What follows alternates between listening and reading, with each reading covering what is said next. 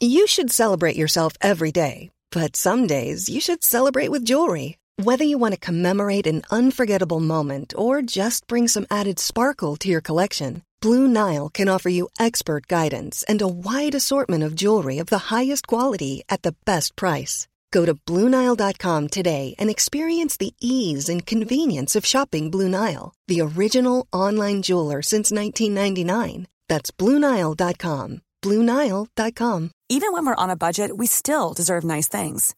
Quince is a place to scoop up stunning high-end goods for 50 to 80% less than similar brands. They have buttery soft cashmere sweaters starting at $50, luxurious Italian leather bags, and so much more. Plus, Quince only works with factories that use safe, ethical, and responsible manufacturing. Get the high-end goods you'll love without the high price tag with Quince. Go to quince.com/style for free shipping and 365-day returns. Millions of people have lost weight with personalized plans from Noom, like Evan, who can't stand salads and still lost 50 pounds. Salads, generally, for most people, are the easy button, right? For me, that wasn't an option. I never really was a salad guy. That's just not who I am. But Noom worked for me. Get your personalized plan today at Noom.com. Real Noom user compensated to provide their story. In four weeks, the typical Noom user can expect to lose one to two pounds per week. Individual results may vary.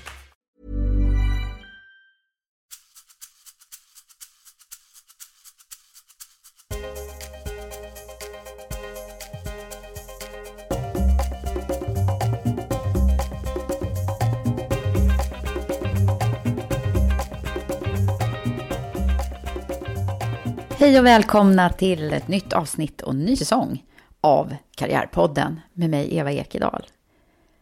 Och vi startar direkt med en spännande gäst, ingen mindre än Lottie Knutsson. Lottie är ju för många mest känd som den kloka och tydliga kommunikationschefen på fritidsresor som i samband med flodvågskatastrofen 2004 nästan blev hjälteförklarad av hela svenska folket. Hon har eh, sedan en tid tillbaka lämnat fritidsresor och är nu en flitigt anlitad föreläsare.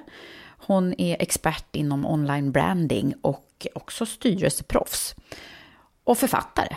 Hon har bland annat kommit ut med den mycket intressanta boken Nödrop, när krisen kommer.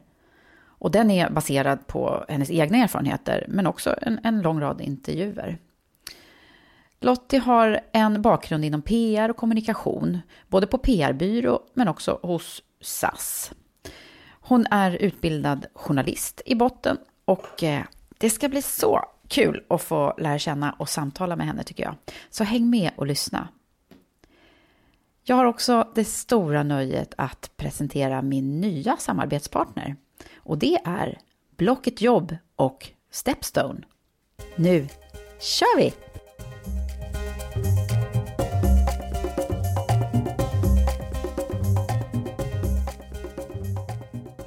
Lottie Knutsson, välkommen till Karriärpodden. Tack. Alltså jag måste säga inför det här mötet som du och jag nu ska ha så har jag läst på och jag hittar så mycket intervjuer med dig. Och så jag blev nästan lite så här speedad själv för jag tänkte, gud vad ska jag nu ställa för kloka frågor som inte redan är ställda? För att inte tala om mig, vilka svar ska jag svara som jag inte redan har svarat? ja, nej men jag tänkte så här att vi tar tillfället i akt idag Lottie, att du ska få prata till punkt och det här ska ju vara en intervju som ska handla om dig. Och dina tankar och din karriär och vem du är som person. Det är det jag är nyfiken på. Sen har ju du gjort en massa intressanta saker. Och jag kollade lite så med mina barn faktiskt innan du skulle komma. Så här, Vet ni, Lottie Knutsson kommer idag. Så eh, och, och, och kollade vad de hade för reflektioner. Och då sa ju de, kopplade de direkt till tsunamin förstås. Det är så många, många kopplar ihop. Ja, det är det. Ja. Mm. Hur, hur, eh, hur, hur tycker du att det är? Att vara ihopkopplad med en, en katastrof på det sättet? Jaha, nej, alltså jag har ju haft tio år att vänja mig, så det, det är ingen fara. Sen, sen förstås, jag menar, de senaste tio åren, det är klart att jobbar man i, i en verksamhet med mycket människor, resebranschen är ju liksom Eh, varenda charterarrangör just nu när vi pratar har väl 30-35 000 människor ute i världen och då händer ju saker. Så det är klart att man alltid hade en massa hantering av allt från bussolyckor till eh, hotellbränder och interna mm. kriser också naturligtvis.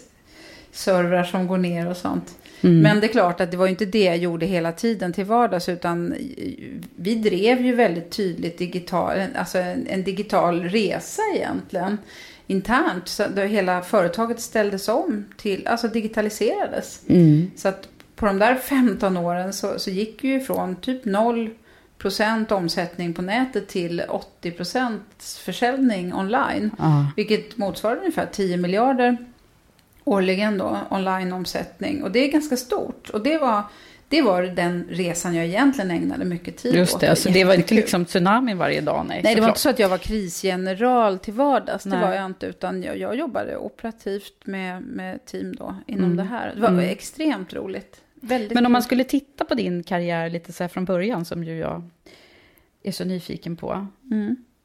Det är kommunikation, när, när, blev det, när blev det det? Liksom? Ja, det blev det nog egentligen. Alltså jag, jag är journalist från början och det visste jag att jag ville bli redan när jag var barn. Jag eh, läste Kamratposten som präglade mig. Hela min värdegrund var nog väldigt mycket KP som KP, hette Kamratposten. Ja.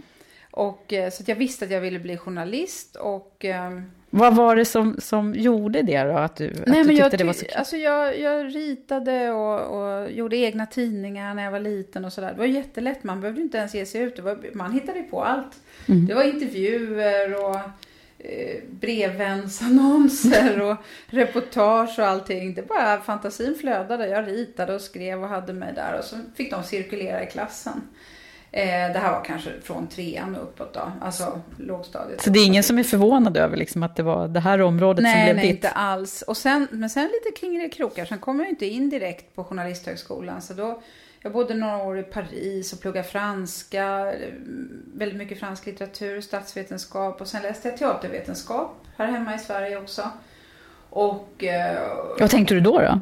Jag, jag, hade, jag ville bli teaterrecensent eh, ända tills jag gick väldigt mycket på teater och insåg att jag absolut inte ville bli teaterrecensent. jag har knappt varit på teatern sedan dess. Jag fick lite överdos faktiskt. Eh, men, men, i alla fall, och sen så faktiskt gick jag på Handels en termin och det var jättekul och intressant och så. Men jag kan väl inte säga att controllervärlden har inte förlorat någon någon eh, finansräknemänniska eh, precis i mig. Utan då kom jag in på Journalisthögskolan och bestämde mig efter lite tvekan.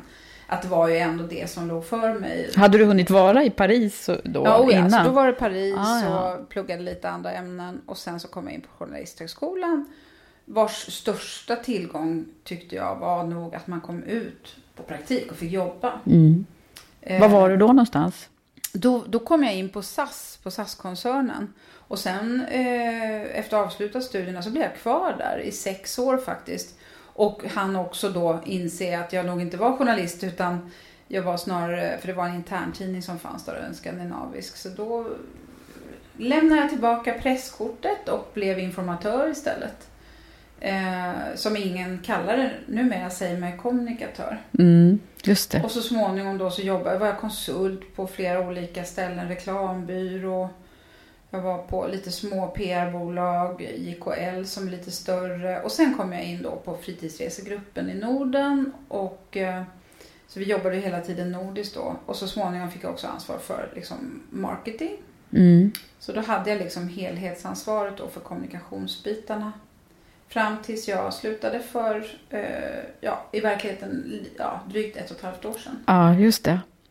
Så att det där låter ju som en, en väldigt, eh, så här, även om du säger lite sidospår, men det känns ändå som en ganska klockren, så här, du visste att du ville bli, jobba med det här på något sätt? Ja, på något sätt visste jag nog att jag ville jobba med kommunikation. Jag tycker själv att jag har väldigt mycket användning för min, min eh, journalistbakgrund. Eh, eftersom Alltså det handlar ju väldigt mycket om eh, att ha, ha, storytelling kallas det ibland och det känns mm. lite utslitet kanske men man måste liksom man måste kunna berätta varför man finns för andra, också som företag eller organisation eller vad man än är. Och man måste kunna liksom kommunicera med eller genom kunder, medlemmar. Eh, så att jag, på något sätt har jag alltid haft med mig det och det blev ju väldigt viktigt sen när vi började utveckla väldigt mycket digitalt content, alltså innehåll på sajterna. Mm. Eh, just det här att kunna liksom kunna förmedla någonting, kunna berätta någonting och, och förstå hur mottagaren tänker. Och Men hade du några, om man tittar tillbaka där på eh, dig som liten tjej. Mm. Hade du några förebilder som, som du tror har liksom spelat, spelat in i att du, att du valde just det här spåret? Ja, alltså det var ju väldigt mycket som sagt Kamratposten i min tidiga barndom. Det var den som var Ja, förebilden. den var förebilden. Mm. Väldigt eh, foträt får man ju säga. Eh, och, men ändå kul, alltid på, på liksom eh, mottagarens sida då, läsarens sida i Ja. det fallet. Och sen, eh, och kul ändå. Hur såg din, alltså, hur såg din uppväxt ut? Ja, men ganska vanlig. Eh, min pappa är civilekonom och min mamma är lärare. Och eh, vi flyttade runt väldigt mycket. Alltså påtagligt mycket faktiskt. Så att jag liksom har väl aldrig riktigt rotat mig någonstans. Mer än egentligen min, min farmor och farfars hus då och min pappas föräldrahem. Där vi var mycket. Men annars så, ja, vi flyttade runt, eh, fnattade runt ganska mycket. Vilket betyder att ni bytte, du fick byta skolmiljö också då, eller? Ja, också Mm. det. Och sen så bodde vi i Huskvarna, i, eller jag bodde i Huskvarna i nio år. Så det var ju merparten av skoltiden då. Mhm. Eh, men nej, det var rätt mycket sådär. Men är det Stockholm som var basen från början, eller? ja, Mm. ja, jag är född här Ja. och har bott, han med några ställen här också. Ja. Eh, men, men annars, det var liksom inget märkvärdigt. Och sen så fort jag kunde egentligen efter gymnasiet så stack jag. Jag tycker det, det var det naturliga. Inte för att man inte gillar sina föräldrar eller så, men alltså man ville ut i världen. Jag ville ut i världen. Jag ville resa, jag ville upptäcka världen och lära mig språk och förstå andra kulturer. Så jag har med mig mycket av det fortfarande tycker jag. att Nej, jag, jag tycker det är synd. Jag har verkligen försökt uppmana mina egna vuxna barn nu att kom ut, ut och, och resa och jobba. Och, bara för att man, man förändras ganska mycket som människa. Mm, mm. Vad är det för, för egenskaper som du, som du tror att du har med dig från den där tiden? Som jag tänker på som just har varit bra för ditt yrkesval. Ja, jag vet inte. Alltså det, det jag egentligen tycker är min styrka, det är inte så mycket kommunikation, ja, men man måste ju ha någonting att säga. Och då måste man vara intresserad av människor, av kundbeteende, konsumentbeteende. Och det är jag ganska bra på. Så jag kan se mönster, jag kan se ten, te, tendenser och trender. Och sen kan man, är jag bra på, eller var bra, nu har jag inget operativt jobb, och backa ett steg så att vi kunde jobba mycket med konceptuell utveckling, paketera det till eh, vad det nu kunde vara, en ny hotellkedja eller ett koncepthotell eller man kunde se att eh, det där och det där landet, nu är det dags för en relansering. Och man, alltså, så man hela tiden kunde backa tillbaka till en, en tjänst eller eh, en, en, en produkt att, att sälja och marknadsföra, då blir det mycket lättare. Men just det, jag tycker egentligen att just det där att förstå vad folk gillar och kunna utveckla det vidare, alltså egentligen konsumentbeteende, det, det är det jag är bra på. Så backa tillbaka, är det någon form av helhetssyn? Ja, som du... precis. Mm. Och jag har alltid gillat också så att säga ganska konsumentnära eh, tjänster och branscher. Jag har aldrig varit så intresserad. Jag var på SAS under många år och så vidare. Men jag har alltid rört mig väldigt mycket i, alltså business to business egentligen tror jag passar mig sämre.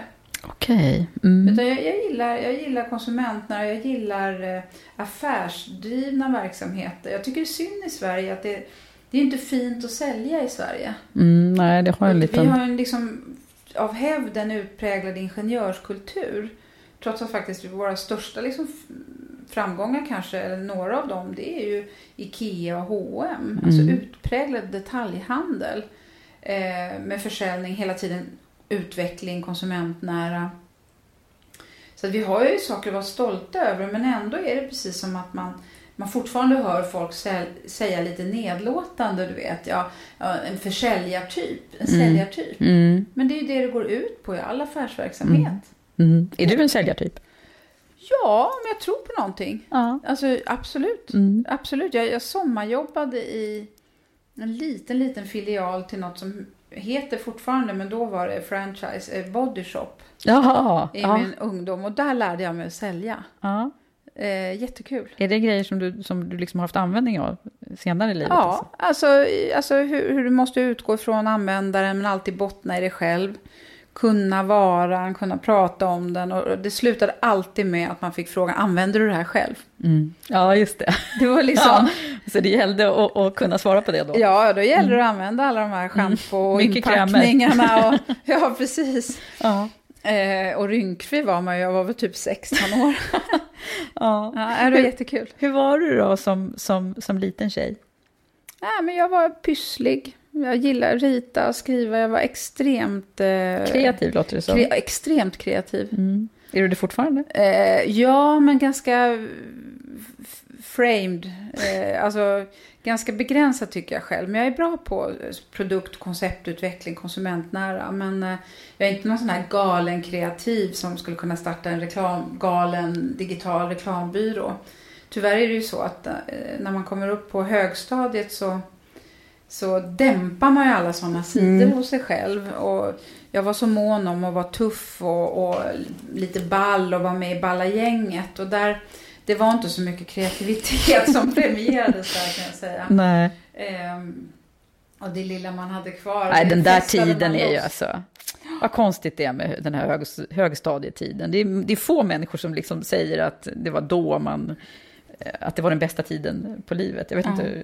Nej, jag vet. Och, och det finns ett uttryck som är ungefär att eh, först så ägnar man hela skoltiden åt att, all sin kraft åt att vara som alla andra. Mm. Och resten av livet lägger man all kraft på att inte vara som alla andra. Ja, men det är ju väldigt klokt Eh, alltså. och, och, och så var det nog för mig. Att jag kan ångra att jag var så mån om att passa in. Jag var så mån om att vara med i balla gänget. Och, Mm. vad, vad synd, varför kunde jag inte liksom vara med i, eh, vad heter det, äldre scouter, vad heter de nu igen? Ja, Ja, ja men någonting nördigt. alltså det, det skulle ju aldrig fallit mig in. Nördar var ju bara töntar, Ja, de ville ja. man ju inte befatta sig med. nej. Och det är liksom synd. Men nu skulle det ha varit en, en, en, liksom en extra grej att vara det. Ja. ja, det är klart. Alltså, och- Och sen så hörde jag om en forskare nu som har tittat på just det här med att alltså den här extremt starka drivkraften att passa in. Som man har kanske primärt på högstadiet. Det var ju då man var som Mm. värst, eller de flesta kommer minns det med en lätt skamkänsla. Mm. Eh, och, ehm, och att det här tyvärr följer med upp i åldrarna. Så även liksom vuxna, 20-30-årsåldern. Och så har jag börjat fundera, alltså är så måna om att passa in och vara som alla andra. Om du sen ska, ska vara hipster, men du ska liksom passa in, säga rätt saker, inte sticka ut. Eh, och väldigt mån om så att säga att du speglar dig i andra, hur andra ser på det. Och det där har jag funderat väldigt mycket på. Jag tror att det är roten till väldigt mycket ont. Alltså den här, det jag kallar popularitetspaniken som råder. Mm. Och väldigt mycket på våra arbetsplatser också. Att, att vi är så måna idag om att passa in, att verka, om man tittar på platsannonser, du ska vara flexibel, du ska vara anpassningsbar. Och vi, vi anpassar oss eh, på bekostnad av våra inre drivkrafter och vår egen integritet och personlighet. Och det finns en risk i det, därför att du hittar inga entreprenörer eller intraprenörer, alltså Mm. drivers, när, när allt går ut på att säga rätt tillrättalagda saker i möten och nicka på huvudet och hålla med cheferna. Eh, alltså den här popularitetspaniken eh, som sociala medier är tydliga, du ska ha många likes, Mm. du ska ha många followers. Eh, men den sprider sig också till arbetsplatserna och chefer är livrädda för att inte ratas högt i medarbetarundersökningarna. Ja, så då ska du också vara så här lite snällmässig coach. Alltså ingen vågar på något sätt sticka ut och vara obekväm.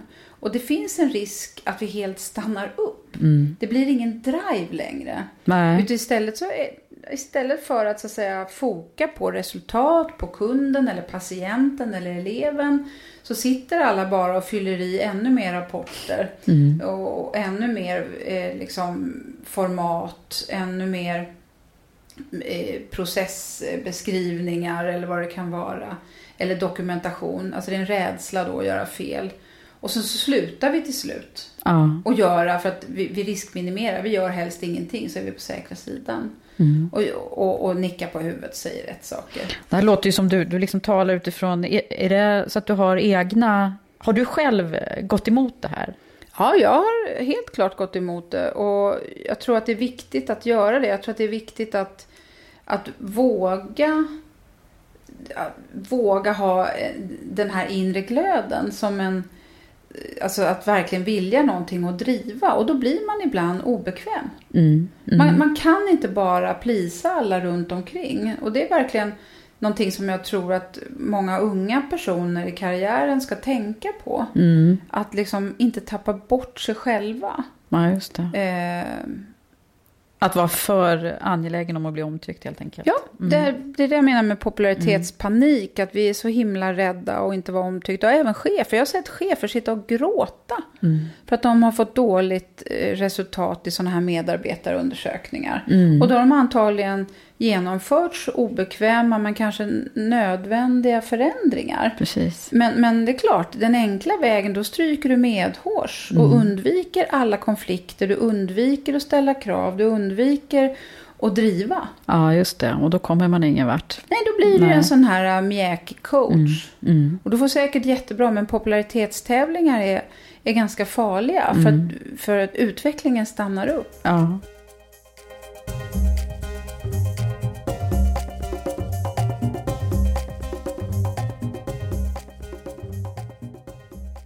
Hur gick det till med ditt eget eh, chefs och ledarskap? När blev du chef första gången? Ja, jag, ja, för ungefär 20 år sedan. Och sen när jag verkligen fick... Var det på fritids? Nej, det var innan. Jag hade sådana här arbetsgrupper när jag var konsult. Så hade man ju så att säga team och sådär man jobbade tillsammans med. Eh, och sen i, i linjen så att säga så var det ju då eh, på, inom fritidsresegruppen för, ja nu är det nästan 20 år sedan. Eh, och, eh, och då fick jag ett gott råd från en vän som sa någon gång, tänk alltid vi. Mm. Aldrig, att, och det hör man ibland sådana här varningsklockor med höga chefer som pratar i jag-form. Som jag alltid hajar till också. Eh, för, för det är ju så, man jobbar väldigt mycket genom andra.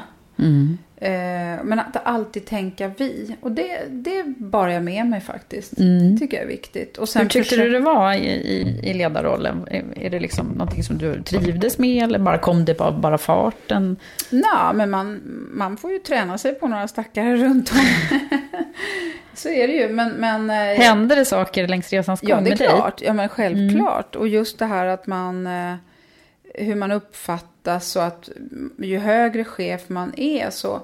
så även små tonfall och rörelser upp, alltså, tolkas och folk läser in. Och, alltså man inser inte vilken, vilken makt och vilket inflytande man har från början. Nej. Man förstår inte liksom att man inte behöver ta i från tårna.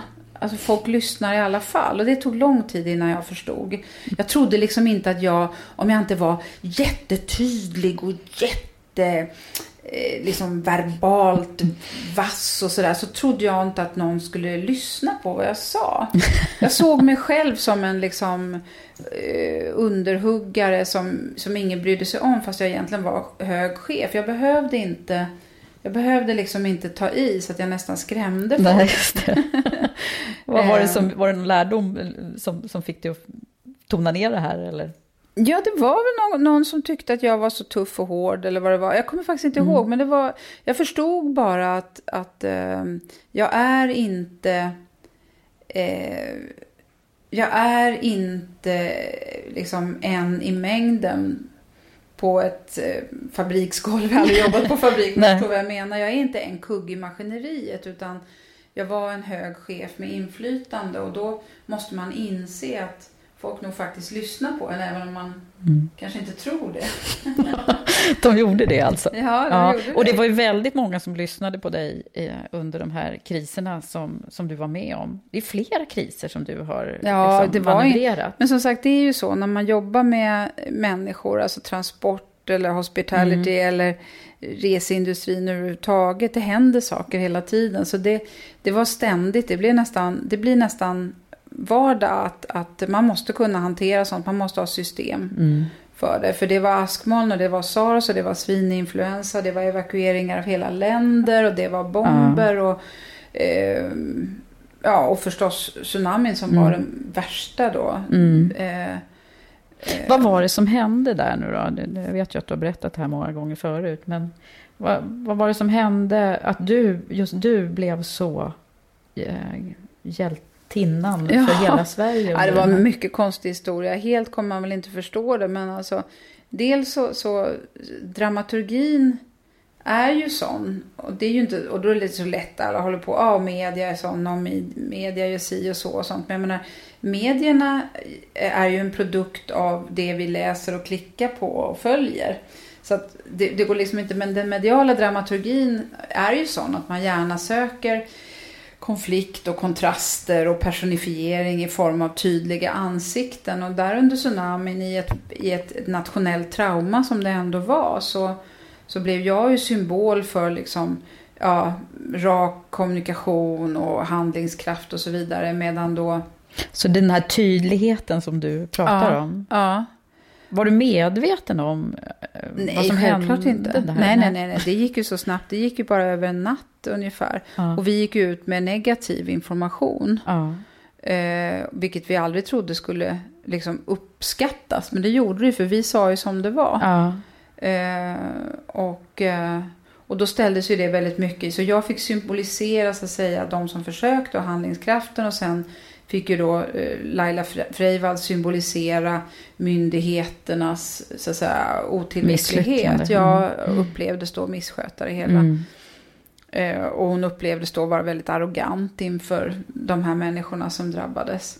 Så att det blev ju liksom, det blev väldigt tillspetsat allting Mm. och mycket symbol. Och, och jag menar, jag är inte dugg hjältemodig. Jag gjorde mitt jobb och, och ungefär som jag skulle ha gjort idag ungefär som jag hade gjort vid tidigare tillfällen. Mm. Alltså, så märkvärdigt är det Men inte. du blev ju liksom verkligen känd över, Ja. över de här dagarna. Ja. Rikskändis. Ja, ja visst absolut. Och det var Lottie med hela svenska Ja, folket och allt vad det var. Ja, det var märkligt. Men det, det gällde ju att ha distans till det också. För det, jag menar, jag hade ju inte förändrats på ko- så kort tid. Det var ju bara det att det var ett akut läge när alla människor faktiskt satt framför tv-apparaterna Mm. och försökte få information. Och vi hade information och vi gick ut med den. Och då blev det liksom, ja, allting ställdes på sin spets på något sätt. Mm. Så att... Eh, Det här finns ju också väldigt väl beskrivet i din, i din I bok min, som ja, du har i min bok släppt. och det har skrivits avhandlingar och uppsatser om det allt möjligt. Mycket, mycket märkligt. Mm. Eh, men, men visst, det var lite uppståndelse där. Men det var så länge sedan så nu har ju det sjunkit undan Mm. på något sätt. Men i din bok, Lock, som jag ju har läst lite i, så har du, har du ju verkligen beskrivit dels vad som hände där under den här väldigt intensiva krisen. Och också eh, pratar en hel del om vad som hände med människor eh, och organisationer i lågintensiva kriser. Ja, precis. Vad, vad, vad, Nej, men just- att du... eh, Ja, nej men just det här att det blir ofta så uppmärksammat. Askmoln, tsunamisar, bränder, den här branden i Västmanland. Och man letar hjältar och man letar ondskefulla typer. Alltså det blir ju kanske lite överdrivet ibland i den här dramaturgin. Branden i Västmanland är ett bra exempel för det var exakt samma saker. Exakt samma rubriker som dök upp. Vems fel det var egentligen, pajkastningen, den po- politiseringen av någonting som inte hade några politiska förtecken. Eh, De drabbade som inte ansågs ha fått ersättning och så vidare. Och naturligtvis den ständiga klagandet då på brist på information. Ja, just det. som alltid dyker ja, upp. Ja. Så det var identiskt faktiskt. Och tio år senare då, det var ju för ett år sedan ungefär. Mm. I augusti, ganska Just prick ett år Ja. sedan tror jag. Den här stora branden. Ehm, så, så att, men, men det jag har Men- sett då, det är ju att de här fysiska kriserna, när servern kraschar och eller vi tappar halva kundstocken på några veckor eller något sånt där. Då, då är vi rätt hyggliga mot varandra. Då kämpar vi tillsammans och det är en tydlig yttre fiende på något sätt. Men, men, och det, så där är vi rätt hyggliga mot varandra men det finns otroligt mycket mer som verkligen bryter ner människor och det är det jag kallar de här lågintensiva kriserna. Ja. Som oftast bottnar i, i någon typ av svagt ledarskap. För då går ju folk på varandra mm. väldigt lätt. Det blir mycket maktkamper om du inte har en tydlig riktning och, och ett starkt ledarskap. Eh, för då blir det maktkamper längre ner eh, i organisationerna. Och så, så det kan vara allt från vuxenmobbing till den här ständiga känslan av att ingen håller med mig på mötena. Ja. Eh, eller ingen vill gå på lunch med mig. Eller vad det nu kan vara som människor känner. Alltså utanförskap. Och det är så otroligt vanligt. Mm. Och också vanlig vantrivsel. Människor som, som inte gillar att bara sitta och fylla i rapporter och dokumentera. Utan vill ägna sig åt den här eleven eller patienten eller faktiskt kunden. Mm. Vill ut och sälja, som inte orkar bara sitta och, och fylla i. Eh, och där, det finns sådana skräckexempel. Jag hörde om någon sån här social media-redaktör, någon som satt med Facebook och Instagram-konton åt något företag. Som halva sin tid så fick han sitta och översätta det lilla inlägg han just hade gjort översätta det till engelska och skicka till något huvudkontor. Alltså förstår du? Mm. Halva tiden. Det är också en sån där byråkratisering. Det blir väldigt tärande då. Mm. Ja, och det är synd alltså på, på, på resurser när det bara blir en massa onödig rapportering. Och det innebär att, och många människor mår dåligt av det. De, de kvävs på något sätt. Mm. Så det är faktiskt människor som har skrivit till mig efter att ha läst min bok och skrivit, vet du, jag är en sån där jag är en sån där udda fågel som du beskriver. Jag är en sån där, och nu startar jag eget eller nu vill jag driva själv. Ah, ja, och som fick en kick nästan av. Ja, ja, och som liksom, mm. ja men jag är en sån där uh, nörd. Mm. För jag tror att vi måste vara rädda. Det är därför igen jag kommer tillbaka till den här risken med popularitetstävlingen. Om vi tror att vi är på jobbet bara för att fylla i fina rapporter och skicka till huvudkontoret i USA eller Tyskland mm. eller England eller var det nu ligger Eh, det, alltså, om, om vi inte tycker att det är meningen med arbetslivet och bara rapportera. Mm. Nej, det vi... gäller ju att hitta mycket det här med meningen med varför man finns ja. och varför ja. eh, och vad och det, det, är som är Det blir sällan särskilt kul. resultatorienterat ja. när man kommer in mer i... Så jag tror mycket på att man ska balansera de här tjänstemannarollerna, de här staberna som bara växer, den här byråkratin som växer. Mm. Eh, och, och, balansera det med lite udda fåglar, lite drivers, mm. nördar, mm. som faktiskt eh, koncentrerar sig på det som är kärnan i verksamheten. Mm. Så då, då kom vi ju liksom osökt in lite grann på eh, din egen utveckling här då. För då, då, var det ett, år sedan, ett och ett halvt år sedan drygt som du, eh, som du bestämde dig för att lämna det här. Efter hur många år blev du fritidsresare? Ja, det blev över 15, 15. år, 15-16 mm. år. Ja. Vad, vad, vad var det som gjorde att du fattade det beslutet? Nej, men det växte fram. Jag, jag, kände att jag hade haft jätteroliga år, jättekul, bra betalt, otroligt utvecklande och härliga människor som jag jobbat med. Eh, en massa roliga vdar som hade kommit och gått. Eh, mm. Men, men eh, jag bara ville göra någonting annat. Ja. Och skulle jag inte ha gjort det då, och skriva boken var ett sätt att fundera och få ur sig en massa tankar. Mm. Så det skulle inte bli av. Då skulle jag ha suttit där till pensionen. Och mm. det Nej. Nej jag... Så det var ett nytt kapitel? Ja, jag vill ha kul. Som du är, lever i just nu, det här kapitlet? Ja. ja. Och vad innehåller det idag då, om man skulle ja, titta på nuläget? Ja, just idag så, så är mitt liksom arbetsliv, och där får jag väl hitta nu lite grann. Jag tror det kommer landa mycket nu till hösten. Så är det väl tre tre ben kan man säga. Och, och, det första benet är då en del styrelseuppdrag som jag har. Där jag helt klart är inplockad just för det här att jag är väldigt konsumentnära, digital kommunikation, inklusive kris naturligtvis. Mm. Så liksom lite andra dimensioner än bara ytterligare en controller eller mm. finansmänniska. Mm. Eh, och eh, det är det ena benet, så där har jag en del styrelseuppdrag. Och sen det andra benet, det är att jag håller mycket föreläsningar just kring eh, kris, krishantering, men också snabb förändring. För kris och snabb förändring är samma sak. Så att, att hantera snabb förändring, mm. vad det mm. gör med oss och vad det finns för verktyg och redskap vid snabb förändring. Och sen det tredje, det är på, på nöjeskontot helt och hållet så har jag trillat tillbaka lite in i journalistiken. Så att jag, jag skriver en del eh, resejobb. Mm. Det är ju ändå mitt stora intresse, alltså turism, resande, konsumenttrender inom det. Så att, eh, Reseskildringar och så? Ja, mm. precis. Så en del resereportage för Sveriges största resemagasin som är, heter mm. Allt om resor. Och så boken då? Ja, precis. Och den, den kommer på pocket nu? Ja, just det.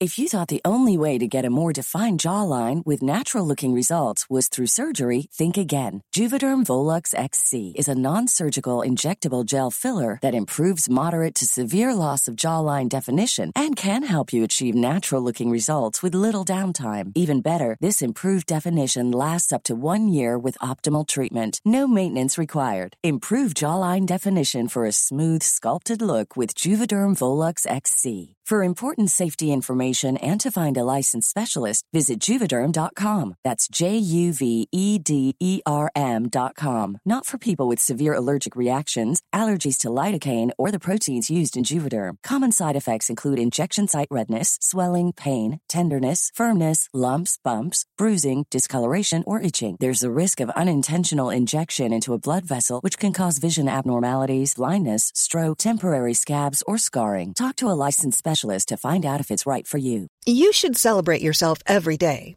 but some days you should celebrate with jewelry. Whether you want to commemorate an unforgettable moment or just bring some added sparkle to your collection, Blue Nile can offer you expert guidance and a wide assortment of jewelry of the highest quality at the best price. Go to BlueNile.com today and experience the ease and convenience of shopping Blue Nile, the original online jeweler since 1999. That's Bluenile.com. Bluenile.com. Hiring for your small business? If you're not looking for professionals on LinkedIn, you're looking in the wrong place. That's like looking for your car keys in a fish tank. LinkedIn helps you hire professionals you can't find anywhere else, even those who aren't actively searching for a new job but might be open to the perfect role. In a given month, over 70% of LinkedIn users don't even visit other leading job sites. So start looking in the right place. With LinkedIn, you can hire professionals like a professional. Post your free job on linkedin.com slash people today. Hey, it's Ryan Reynolds, and I'm here with Keith, co-star of my upcoming film, If, only in theaters May 17th. Do you want to tell people the big news? All right, I'll do it. Sign up now and you'll get unlimited for $15 a month in six months of Paramount Plus Essential Plan on us. Mintmobile.com slash switch. Upfront payment of $45 equivalent to $15 per month. Unlimited over 40 gigabytes per month. Face lower speeds. Videos at 480p. Active Mint customers by 531.24 get six months of Paramount Plus Essential Plan. Auto renews after six months. Offer ends May 31st, 2024. Separate Paramount Plus registration required. Terms and conditions apply if rated PG.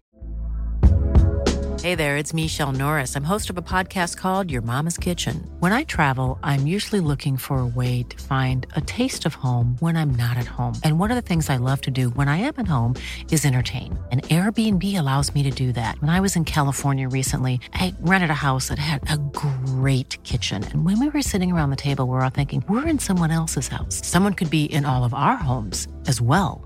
If you have a home, but you're not always at home, you have an Airbnb. Your home might be worth more than you think. Find out how much at airbnb.com slash host. Eh, hörde vi. Ja. Va, va, va, blir det flera böcker? Eller? Jag vet inte. Jag går och klurar på att utveckla det här med, eh, med det här med att våga våga gå emot den här popularitetspaniken. Alltså jag går och klurar på om jag skulle vilja utveckla mm. det mer. Eh, det låter som det ligger i tiden verkligen tycker jag. Mm. Att vi behöver liksom ta en funderare på lite grann vart det, vart det här tar med oss. Mm, och våga här... nörda. Ja. Våga vara nördiga. Våga, nörd. våga nörda, våga eh, gräva djupare i, i och, och, hitta tillbaka kanske till passionen. Ja. Yrkesmässigt pratar jag om nu vad det nu än är ja. man verkligen brinner för. Eh, när vi pratar passion och dig då, om, vi får, om jag får bryta in där, så vad, vad har det liksom varit, eh, när du har liksom känt det här flowet, eller vad vi kallar för det, när det är som allra, allra bäst på jobbet eh, i din karriär. Vilka stunder har det varit? Vad kan du erinra dig? Ja, det, det, alltså, jag kan inte komma på några exempel precis, men, ja, men det är nog när när man känner att man tillsammans jobbar, alltså när man inte har det här eh, när det bara blir liksom en massa maktkamper och tjafs och, och, och poli, intern politik och sånt. Utan när man verkligen jobbar ihop eh, och drivs, driver mot samma mål och, och sen uppnår resultat. Det är en otroligt skön känsla. Mm. Eh, grejer som man vet att man inte hade gjort, fixat själv. Mm. Utan man faktiskt har... Man är liksom beroende av varandra och att, Ja, vi, men att man- alla man- gör sin alla grej. Sådär. driver liksom mot ändå någorlunda samma mål fast inom sina eh, områden. Mm. Men att man gemensamt har, har liksom lyckats prestera och uppnå resultat. Det är en väldigt skön känsla. Mm. Det är kul tycker jag. Och också, Är det här grejer som du också kunde känna under de här svårare stunderna när det var kris och så? Att, Ja, att ni oh, liksom ja. synkade ihop? Ja, ja, ja, absolut. Men framför allt just så var det väldigt mycket inom, alltså, inom den digitala utvecklingen. Mm. När vi jobbade verkligen, liksom, tvingades jobba ihop i tvärfunktionella grupper. Och, alltså, otroligt liksom, givande och lärorikt på något sätt. Mm. Och det blir något nytt som föds också Ja, i det är det här klart. då. Och jag menar, och jobba tillsammans med ingenjörer, alltså, alltså IT, teknik och business, Mm. affären, det kunddrivande går ihop mer och Mm. mer. Jag menar, snart kommer marknadsfunktionerna sitta tillsammans med IT-avdelningen Mm. tror jag. Du behöver analytiker och matematiker. Det drivs åt det hållet. Och det... Eh, antingen så tycker man det är jobbigt eller så tycker man det är fantastiskt, Mm. störtskönt. Och Mm. jag tycker det är rätt Mm. kul. Mm. Sen gäller det att, att det inte bara blir matematiskt. Eh, att det inte bara blir liksom, du vet, hamra på med CRM-erbjudanden. Nej, Du måste ju fortfarande Mm. behålla själen i ett varumärke. Och det är en, en balansgång. Mm. Det var någon häromdagen som jag pratade med som jämförde Zalando med H&M. Aha. Ja. Du vet Mm, ju ja. Zalando. Eh, och de, de har ju liksom top notch teknik och erbjudanden och de bearbetar kunder och så vidare. De har ju enorm koll på liksom hela sin kunddata. Eh, men de har ju inte riktigt någon själ. Och sen har du H&M då, som den här personen jämförde med, som har väldigt mycket själ, alltså som ändå har ett varumärke. Och sen, men det är ju ingen som tycker att H&M har den bästa tekniken. Mm, Alltså nej. förstår du? Nej. Zalando är ju ett, byggt från början för att vara ett onlineföretag. Men, men de saknar ändå någonting Själen. som skapar Mm. lojalitet. Mm. Eh, I den mån man nu har lojala kunder någonstans. Mm. Eh, men de, de har liksom inte byggt in någonting mer än bara teknik. Nej, just det. Och så Mm. H&M då som har byggt in väldigt mycket Det mer. där är ju intressant. Se vad det är, vad är det, hur kan man liksom Ja, hur kan man plocka liksom det bästa? det där? Ja. Mm. Ja, vad spännande. Men hörru du, om man tittar på... på eh, jag är ju intresserad av att se liksom, vad är det som har burit din väg framåt? Har det varit människor som har, som har betytt mycket för dig längs vägen? Ja, oh ja. Eh, Som du kan liksom se så här i backspegeln nu, att då, Ja. den där personen, det är den som nästan gjorde att jag valde det här. Eller att Ja. ja, men absolut. Men det är ju några som, som jag har jobbat nära, eh, som verkligen har betytt jättemycket för mig, som jag har lärt mig mycket av. Eh, är det några som du vill berätta om? Jag läste lite om, om din förra chef Johan. Johan Lundgren, ja. Ja, precis. Det var, ju- det var enda liksom, redaktörskommentarerna, förutom en massa som minimala språkliga grejer. Det var, hon tyckte det var lite väl mycket beundrande beskrivningar av denna Johan Lundgren, som var min koncernchef då när, på fritidsresegruppen för ganska många år sedan. Och sen gick han vidare Mm. eh, inom gruppen då och flyttade till England. Och då hon lite diskret påpekade att jag Eh, det var några passusar där det var liksom så, så, vår som vanligt kloke vd. Hon tyckte man kanske kan stryka. Vår som vanligt, Vanligt. kloke. Ja, eh, ja, men han har betytt mycket. Jag lärde mig väldigt mycket av, ledarskap. Intelligent ledarskap. Och, Vad är det som, som utmärker det då för, för honom Jag- och som du gillar så att säga? Mm, jag tycker, alltså det jag har kommit fram till i alla fall och det han var bra på att förmedla en känsla. Det var att du gör skillnad. Och det tror jag egentligen är drivkraften för alla människor. Att känna att jag gör skillnad. Mm, han fick dig att liksom ja, han känna fick det? alla sina närmsta medarbetare att känna att man, alltså man var okej, man kände sig okej. bra. Mm. Jag, var, jag var rätt okej yrkesmässigt liksom. Han, han förmedlade Mm. den känslan. Så han lyfte liksom mer på något sätt då? Ja, på något sätt så, och så tydlig liksom att var en växte inom sina, de områden man nu hade då. Men just det där har jag funderat väldigt mycket på hur viktigt det är för människor, för oss alla, att, att känna att jag gör skillnad. Mm. Det är därför jag inte tror på den här utslätningen när alla bara ska vara flexibla eh, och, och liksom flina upp sig för rätt liksom, eh, personalavdelningsrepresentanter vid någon intervju eller så, utan faktiskt våga Mm. säga nej men det, jag bidrar med någonting och jag gör skillnad. Mm. För känner man inte att man bidrar, känner man inte att man gör skillnad, då är man bara ett nummer. Mm. Så det blev lite din grej också, att vara den här som vågade säga ifrån? Och... Ja, och framförallt också att, att ha medarbetare som, som, som gjorde skillnad. Mm. Och som vågade stå upp och som, som liksom drev inom sina områden. Mm. Och ville någonting, ville utveckla inom sina områden. Mm. Eh, Så det lärde jag mig mycket av, just kring ledarskap, just kring att se, försöka se människor och försöka ge dem hela tiden möjlighet att utvecklas. Mm. Och att, men, att man måste känna att man gör skillnad. Mm. Eh, eller så är det bättre att växla ut folk. Eh, och, eh, och därmed kan man också ställa krav, det tycker jag man ska göra. Så att, eh, och sen så har jag jobbat med en annan eh, person, eh, Christian hette han, Clemens, som var otroligt, han såg affärsmöjligheter i allting. Otroligt, han vågade vara nördig och udda och gick liksom inte på de här corporate storbolagsgrejerna. Han var sig själv väldigt mycket, liksom lite naturbarn nästan. Eh, och såg alltid affärsmöjligheter i allting. Och vi hade väldigt roligt när vi, för då reste vi mycket, det var ju ändå reseindustrin. Och vi såg alltid möjligheter. Det här kan man lansera, det här ska man kunna göra någonting med. Det blir, liksom, det blir en sån flow. Mm. Så ni hade liksom en- en gemensamma nämnare i det här Ja, vi, tänket liksom, då? ja absolut. Så att jag, och, och en massa andra människor, roliga med humor och starka personligheter. Som, eh, men jag gillar starka personligheter. Jag tycker inte det är kul när allting blir räddhågset och utslätat. Alltså rädsla eh, trycker ner människor väldigt mycket. Det är mycket rädsla på arbetsplatserna. Det är det. Vad spännande. Har du haft någon mentor? Nej, jag har liksom jag har nog använt eh, kollegor och medarbetare och eh, ja, koncernchefer och så. Ja. Var, var det så här att, att göra karriär för dig? För det har du ju gjort, eller gör. Eh, har det varit någonting som du liksom vis, visste du att du ville göra det? Nej. Eller har det bara har du Nej, planerat har- någonting liksom? Nej, inte så faktiskt. Det har liksom, det har blivit så.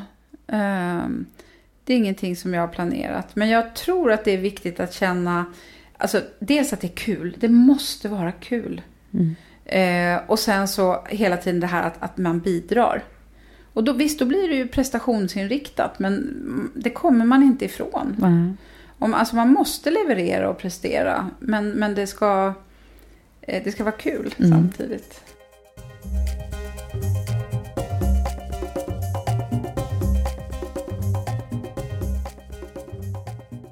Jag kom på att jag glömde fråga dig en grej om, om det här med när vi pratade om det, vem du var när du var liten och så. För jag har ju nämligen en liten undersökning som jag håller på med och det handlar om eh, den här, eller undersökning låter stort, men det har nämligen visat sig att det är så himla många stora systrar med i min eh, karriärpodd. Men vad, vad har du syskon? Två eh, yngre bröder. Så du är stora syster, det visste inte jag, men det är du alltså. Ja, ja. Ännu en sån där Ja, pain in the en ass stora syster, alltså det är ju fascinerande det här. Ja, jag beklagar detta med Ja. stora syster. Hur, hur har det liksom, eh, har det präglat dig mycket, din stora syster eh, placering? Nej, det liksom? vet jag inte. Alltså det är ju ingenting man tänker på själv säkert. Mm. En, en olidlig besserwisser. jag vet inte. Nej, Nej men det ligger, det ligger ju mycket intressant forskning kring, Ja. kring det här. Och faktum är att just det där med bröder finns också med lite grann i, alltså att man har tampats lite grann då med, med lite brorsor.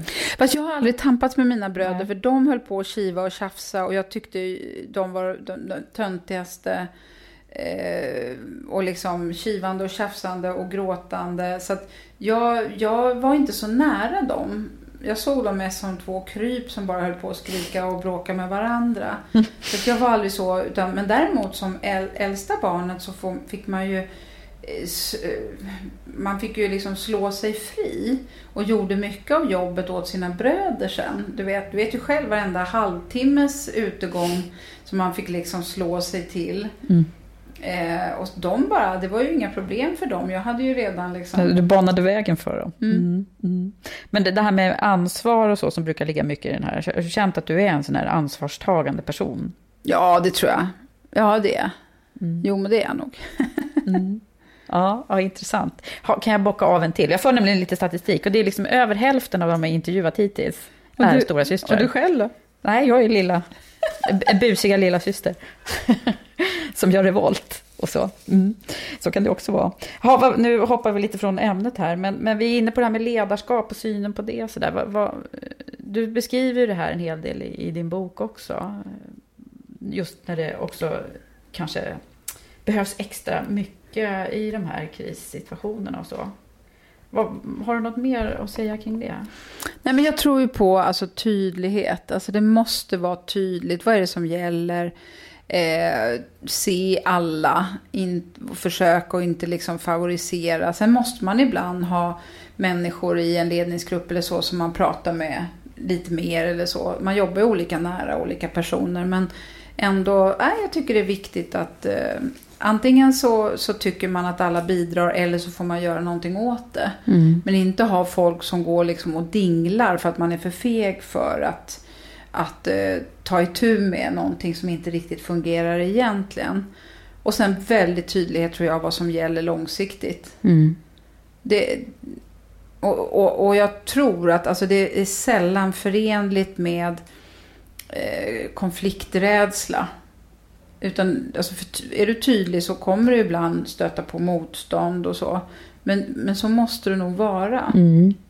Men eh, jag läste också att eh, Johan, som du pratar om då, att han också visade en hel del empati och känslor i de här svåra stunderna. Eh, är det liksom tillåtet då? Ja, självklart. Men det måste man ju göra. Alltså, jag tror inte alls att det ska vara någon sån här stoneface eller sådär. Utan man måste kunna, absolut. För annars, om man aldrig visar själv några känslor, så hur ska man då förstå andras? Men, men man måste ändå ha liksom en tydlig riktning. Man släpper loss så destruktiva krafter annars. Mm. Det är mycket det som, som kan hända när, ja. det, när det går åt fel håll, så att säga. Eller hur?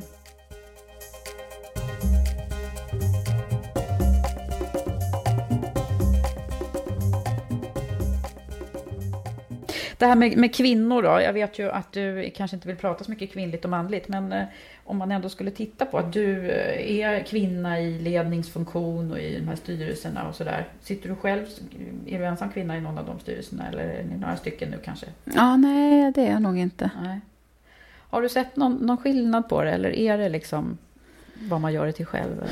Ja, alltså jag har aldrig varit så upptagen i sådana här liksom eh, strukturella, alltså visst, det, det är klart att det finns skillnader och klart att eh, men, men jag tror inte att eh, jag, jag tror det är farligt om man som ung tjej bara börjar prata, ah, det är bara för att jag är kvinna, det är bara för att jag är tjej hela tiden. För att det, det kan ju finnas en risk att man inte, att man liksom skyller på strukturella problem och så vidare. Och sådana arbetsplatser ska man nog inte vara på om det verkligen är ett, ett eh, förtryck av kvinnor generellt. Eh, men, men de flesta arbetsplatser i Sverige, vill jag lägga till, är ju ganska jämställda och ganska okej.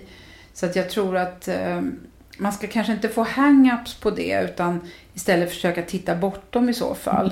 Eh, förstår du? Alltså unga tjejer som liksom orerar om att de inte har fått ett jobb eller så bara för att de är tjejer. Det kanske ibland, då kanske man inte riktigt vill komma till botten med vad var det egentligen, vad var det jag presterade och vad var det för kompetens som krävdes. Eh, jag, jag har nog känt att oavsett om man är man eller kvinna, vill man göra karriär, då får man prioritera bort en massa saker.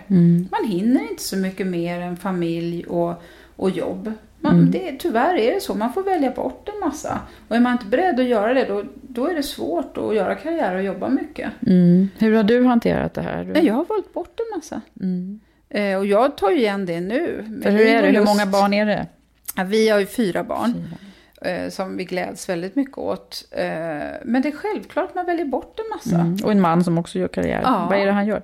Han, är på Sveriges Television, han är politisk kommentator på Rapport. Just. Och eh, det, det är självklart att då, man orkar inte med några tjusiga liksom, åtta personers middagar på fredagar när man är dödstrött. Det är bara att fetglömma. Man, man får liksom än en gång kämpa mot den där inre popularitetspaniken. Jag behöver inte ha flest väninnor och gå på mest yogapass av alla och känna alla människor och sådär. Ja, men det hinner man inte. Kanske man hinner om man är hemmafru eller jobbar pyttelite med inredning. Ja, men det är så. Alltså, Ja. Man får inte hålla på... För det, alltså, I den här popularitetspaniken innebär att man hela tiden jämför sig med andra. Man ser på sig själv i relation till andra och man är dömd att förlora. Det kommer alltid finnas sådana som är smalare och snyggare och mer typ, på ytan framgångsrika och så vidare. Så att man får bara hela tiden motarbeta den där att liksom jämföra sig med andra. Du, du har myntat ett begrepp som jag tyckte var så himla bra. Det här med kravlöst. Ja, precis. Kravligt. För det är mycket sådär kravmärkt hit och kravmärkt dit.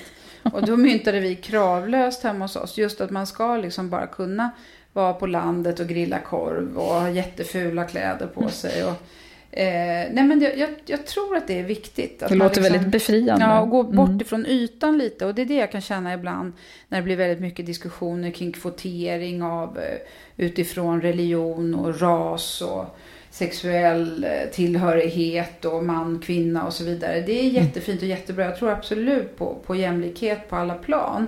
Men ibland så ska man kanske gräva lite längre än bara hudfärg och titta på just det här med liksom människor som verkligen, verkligen har udda kompetens och lite, lite udda fåglar. Och det har ingenting med utseendet att göra eller om man är man, kvinna, utan då måste man gräva lite djupare för att verkligen hitta de här Och udda Eh, personligheter, det är ja, det du... precis. Eh, och blanda upp det, det väldigt homogena.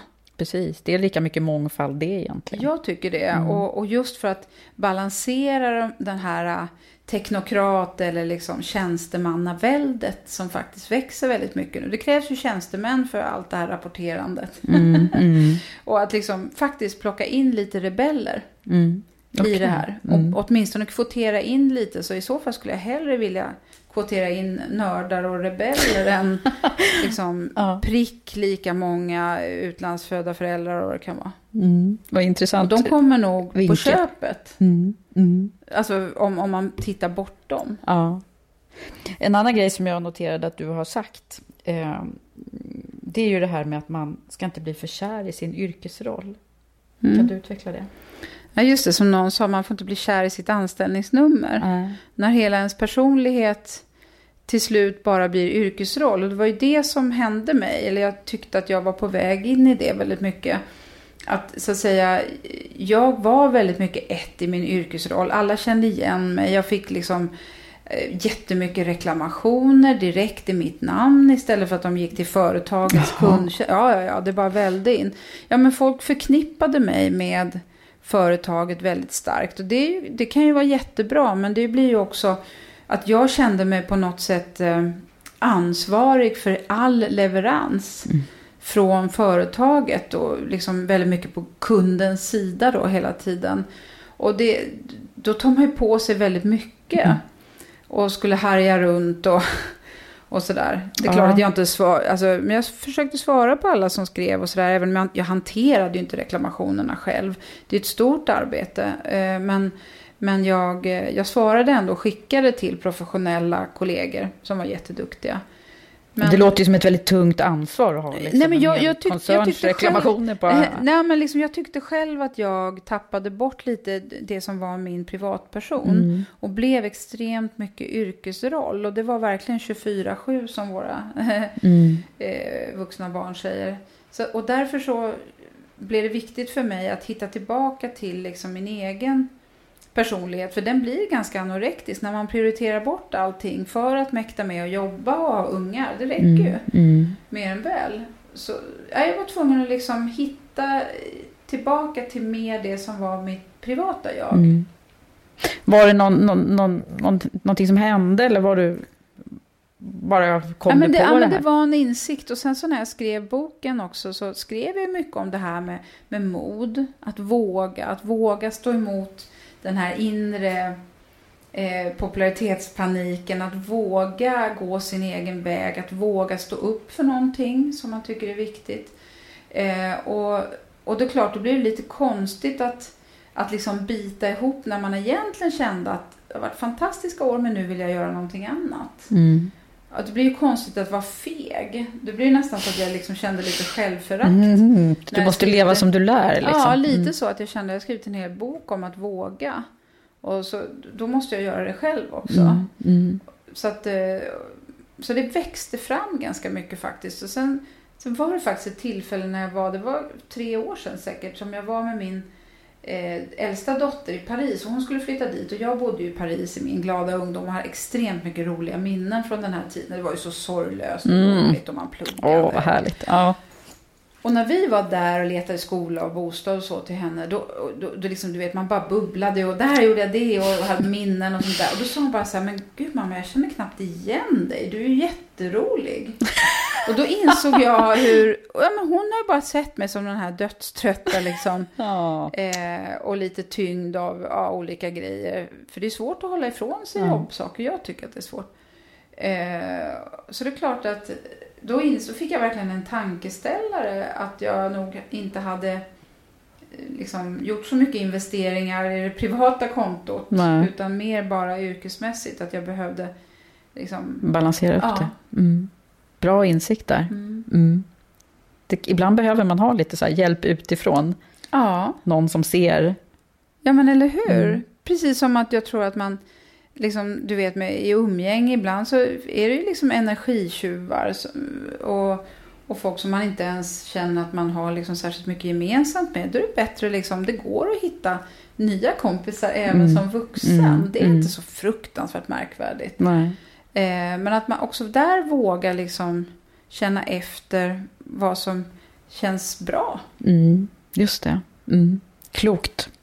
Verkligen bra. Hörru du, jag så har jag liksom en fråga till som handlar om lärdomar. Men jag kanske ändå ska ställa den. Så här, om du skulle eh, fundera över vad är det, vad är det för, liksom, förutom det här då som ju låter som en väldigt bra grej, men eh, att man ska ha kul och hitta glädjen i, i det man håller på med. Vad finns det annars för grejer som du tycker genom, genom yrkeslivet som du vill förmedla, som du har hittat?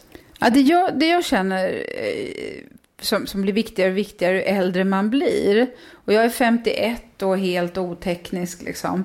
Det är det här att, och ändå har jag jobbat så mycket med liksom, digital utveckling. Och det är det här med nyfikenhet. Jag ty, ålder är liksom, den dagen man slutar vara nyfiken. Då, då är man gammal. Men det har ingenting med kalenderålder att göra. Så jag tror man ska värna om sin egen, sitt, eh, sitt inre liksom nyfikna barn. Än en gång det här med glädjen och nyfikenheten. Ehm, och, och också då träffa människor som håller på med det. Det behöver inte vara tjusiga direktörer liksom. Som, utan det kan lika gärna vara en, eh, någon som sitter liksom inom ett jättenördigt område. Som man kan få ut mycket mer av än någon självgod gubbe eller gumma på, på styrelsenivå som mest sitter och, och skrävlar. De har ingen aning vad som händer. De är inte ny, särskilt nyfikna längre. De vet ju bäst själva. Men varför ska man då liksom bara tro att Åh, jag måste ha en mentor som är en högt uppsatt i karriären? Det kanske är tvärtom så att man ska liksom eh, snacka, vara nyfiken på det som kommer på unga människor. Och jag menar, många av oss har ju ändå, eh, antingen är man ung själv eller så, så har vi, vi vuxna barn och sådär. Det är bara, jag tror att liksom vara lyhörd och suga upp där. Det är jättekul tycker jag. De är rätt roliga. Verkligen. Och hänga med. Ja, hänga med unga människor. Det är Ja. jättekul. Eh, om, det, om man skulle titta på de här unga tjejerna då som eh, kanske står i början på sin karriär eller som inte har eh, kanske ens bestämt för vilken väg man ska gå. Eller så där. Har du något, något, något råd eller tips som du vill ge till dem? Nej, jag tror alltså ty- tydlighet, också tydlighet i ansvarsområdet. Inte ha sån här, alltså gärna mätbart. För då är det lätt att bevisa vad man har gjort. Mm. Om du till exempel har ett säljuppdrag, ja men det är lätt att kolla. Men däremot sådana här vaga grejer när du ska liksom, du vet, eh, vaga tjänster och sånt där. De är svårare att mäta och följa upp. Mm. Så att eh, se till att få tydligt, tydlig ansvarsbeskrivning och mätbara mål. Så att man vet vad man kan utgå ifrån. Just det, vad som förväntas. Ja, för annars är det lätt så här, ja du är en pärla. Och sen så gör du jobbet åt någon annan istället för att du har presterat någonting. Mm, just det, så man vet vad som gäller. Ja, Mm. ja. Och fråga efter det Mä- då. Mätbarhet Mm. Mm. i, i det man ska göra. Så tydligt mandat och tydligt liksom, Mm. vad förväntas det? Mm. Jaha, ska jag sälja x antal av det eller ska jag utveckla det och det? Men det är liksom på något sätt så eh, blir det mindre risk att man blir missförstådd ung tjej då. Mm. Och det Just det. Är det liksom särskilt tjejer som kan hamna i det där menar du? Jag, jag, det, jag vet inte om det är särskilt tjejer, men jag tror att det gäller alla. Liksom. Alltså, alltså, att liksom be om, be om tydlighet just i liksom, vad är det jag ska prestera och hur mäts det. Mm. Det tycker jag en arbetsgivare är skyldig en. Mm. För annars är det väldigt svårt om jag inte vet vad som förväntas. Hur ska jag då kunna liksom leverera? Och då blir ju sen när man har lönerevision eller utvecklingssamtal eller vad det är, hur, då blir det väldigt godtyckligt. Mm. Jag kan ju inte bara vara flexibel och anpassningsbar och förändringsbenägen som det så fint heter. När man ska skyfflas runt ofta innebär ju det att liksom man vill att människor ska liksom vara helt flyttbara egentligen. Mm. Det är ju jättesmidigt för en eh, ekonomifunktion eller en Mm. personalavdelning som behöver röra runt. Men eh, jag tror ändå tydlighet. Tydlighet, igen. Det är Ja. ett bra nyckelord som, som jag tror Ja, kommer fram från den här podden. Eh, du, eh, vi har ju också en, en, en, en, grej som jag brukar avslu- avrunda med. och Det är ju det här med skicka vidare-fråga då. Så att eh, innan sommaren så hade jag ju Sanna Ölander Borg här i poddstolen. Och hon fick ställa en skicka vidare-fråga och du ska ju också få ställa en då. Då visste inte hon vem som skulle sitta här. Men hon eh, tyckte att eh, vi skulle prata lite grann om integrationen. Eh, för det här är ju valfritt vad man vill ställa sin skicka vidare fråga kring. Och eh, frågan lyder så här. Hur ska vi klara integrationen eh, bättre för alla de som inte talar perfekt svenska? För hon hade ju lite sådana erfarenheter. Och hur ska vi göra med acceptansen? Kan vi snabba på det på något sätt? Undrade hon. Mm. Ja, det här bygger på hennes åsikt då. Om att, Mm. alltså, det är en ganska politisk eh, eh, fråga med en, tydlig liksom, underton. Vad en, en person tycker är rätt och vad man ska snabba på och inte snabba på och så vidare. Så att jag, jag tror faktiskt att jag hoppar hela integrationsfrågan. Det är extremt åsiktsstyrt i Sverige kring det idag. En ganska smal åsiktskorridor får man ju lov att säga. Så att jag, jag tror att jag hoppar Ja, den. du hoppar den. Det är alldeles frivilligt. Men eh, själv då? Är du nyfiken på någonting? Du, du kommer ju ha en intressant... eh, Vi vet ju att det kommer att vara en intressant kvinnlig eh, ledare i, i stolen här nästa gång. Vi vet inte exakt vem det blir ännu. Men vad, vad är du nu nyfiken på? Ja, en massa skulle jag tro. Jag tror att... Ja, kanske det här, om det är så att ni har talat inom det här området, så kanske just kring det här med att, att våga gå emot det här med att vara så flexibel och anpassningsbar, den här popularitetspaniken, där allt ska ratas. Eh, vilket kräver normer, vilket kräver att vi börjar anpassa oss ännu mer. Eh, och kriterier. Och då är det egentligen om, om den här personen kan komma på något exempel där man har tagit ett djupt andetag och gått emot sin egen, jag ska säga, önskan att, du vet, liksom kring smidighet och passa in och sånt. Mm. Och, och faktiskt ändå drivit en fråga mot alla andra. Mot alla Ja. odds liksom. Ja, och, och på något sätt eh, i enlighet med sin inre övertygelse. Ja. Bra.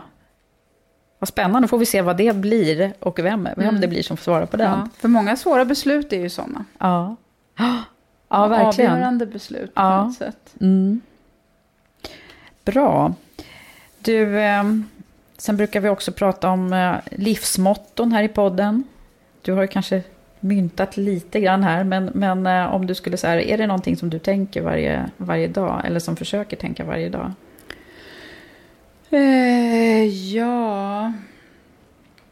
Eh...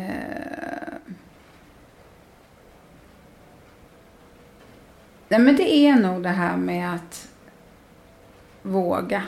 Mm. Våga lite mer. Mm. Man kan ju inte annat än skrapa knäna lite grann. Mm. Mm. Så våga. Det blir ditt livsmotto. Vad härligt det har varit att ha haft dig här i poddstolen. Tack så jättemycket för att du har tagit dig tid Lottie. Tack. Tack.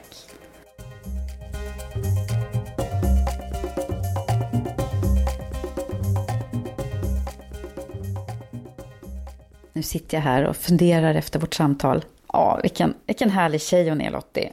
Så uppriktig och fötterna på jorden ärlig på något sätt. Och rak och tydlig. Det är så intressant också att höra om hennes tankar, om hur hon har reflekterat. Eh, bland annat om hur man så lätt kan bli förknippad med sin yrkesroll och kanske tappa bort sig själv i det. Jag tar med mig också det där med att leva kravlöst och försöka inte sätta för höga krav på sig själv. Känner väl alla kanske igen lite grann. Att våga gå sin egen väg och stå emot popularitetspaniken, som jag gillar verkligen det begreppet. Och sluta aldrig vara nyfiken hörni. Wow, vilka kloka ord Lottie. Tack så mycket och stort lycka till. Jag vill höra mer. Tack också alla ni som har lyssnat och eh, tack till min nya samarbetspartner. Blocket Jobb och Stepstone som är mötesplatserna för dig som vill titta på möjligheterna att utvecklas i din karriär. Fortsätt gärna höra av er till mig och eh, följ Karriärpodden på Facebook, Instagram, LinkedIn och Twitter. Vi hörs snart igen. Hej så länge!